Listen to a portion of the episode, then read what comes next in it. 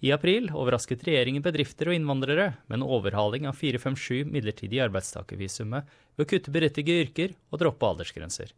En utilsiktet konsekvens kan være at noen eksepsjonelle internasjonale talenter vil gå tapt for Australia. Lone Martinsen har mer. Det er langt fra motehovedstaden Paris, men Charlotte Rave kaller nå Australia for heim.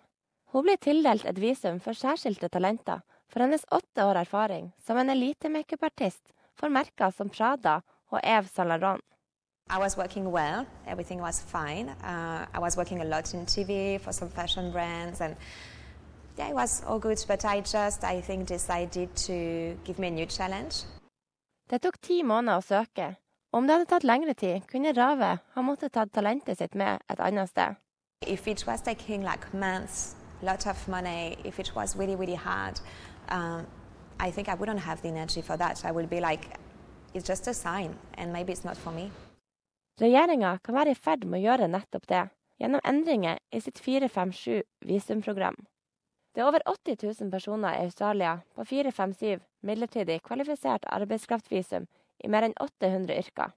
Over en fjerdedel av disse yrkene har nå blitt kutta av regjeringa.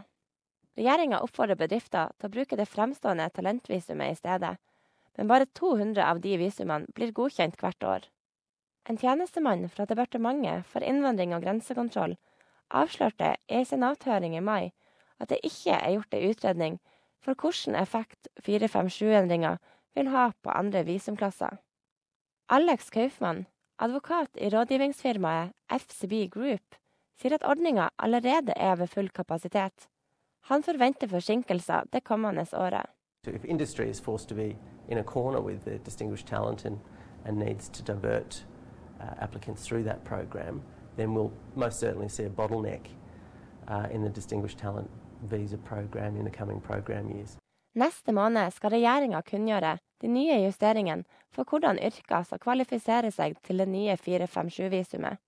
Det vil da være klart hvordan arbeidstakere som blir tvunget til å søke om det fremtredende talentvisumprogrammet, og omfanget av de forventa forsinkelsene.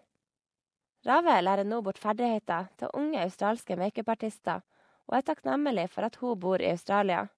Samtidig så sier hun at hennes beslutning kanskje ville vært annerledes om ventetida hadde vært lengre.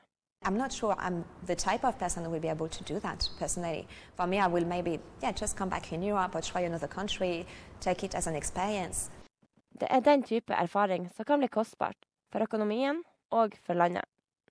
Historia var laga av Jackson Gotte Snape på SBS norsk. Jeg er Lone Martinsen.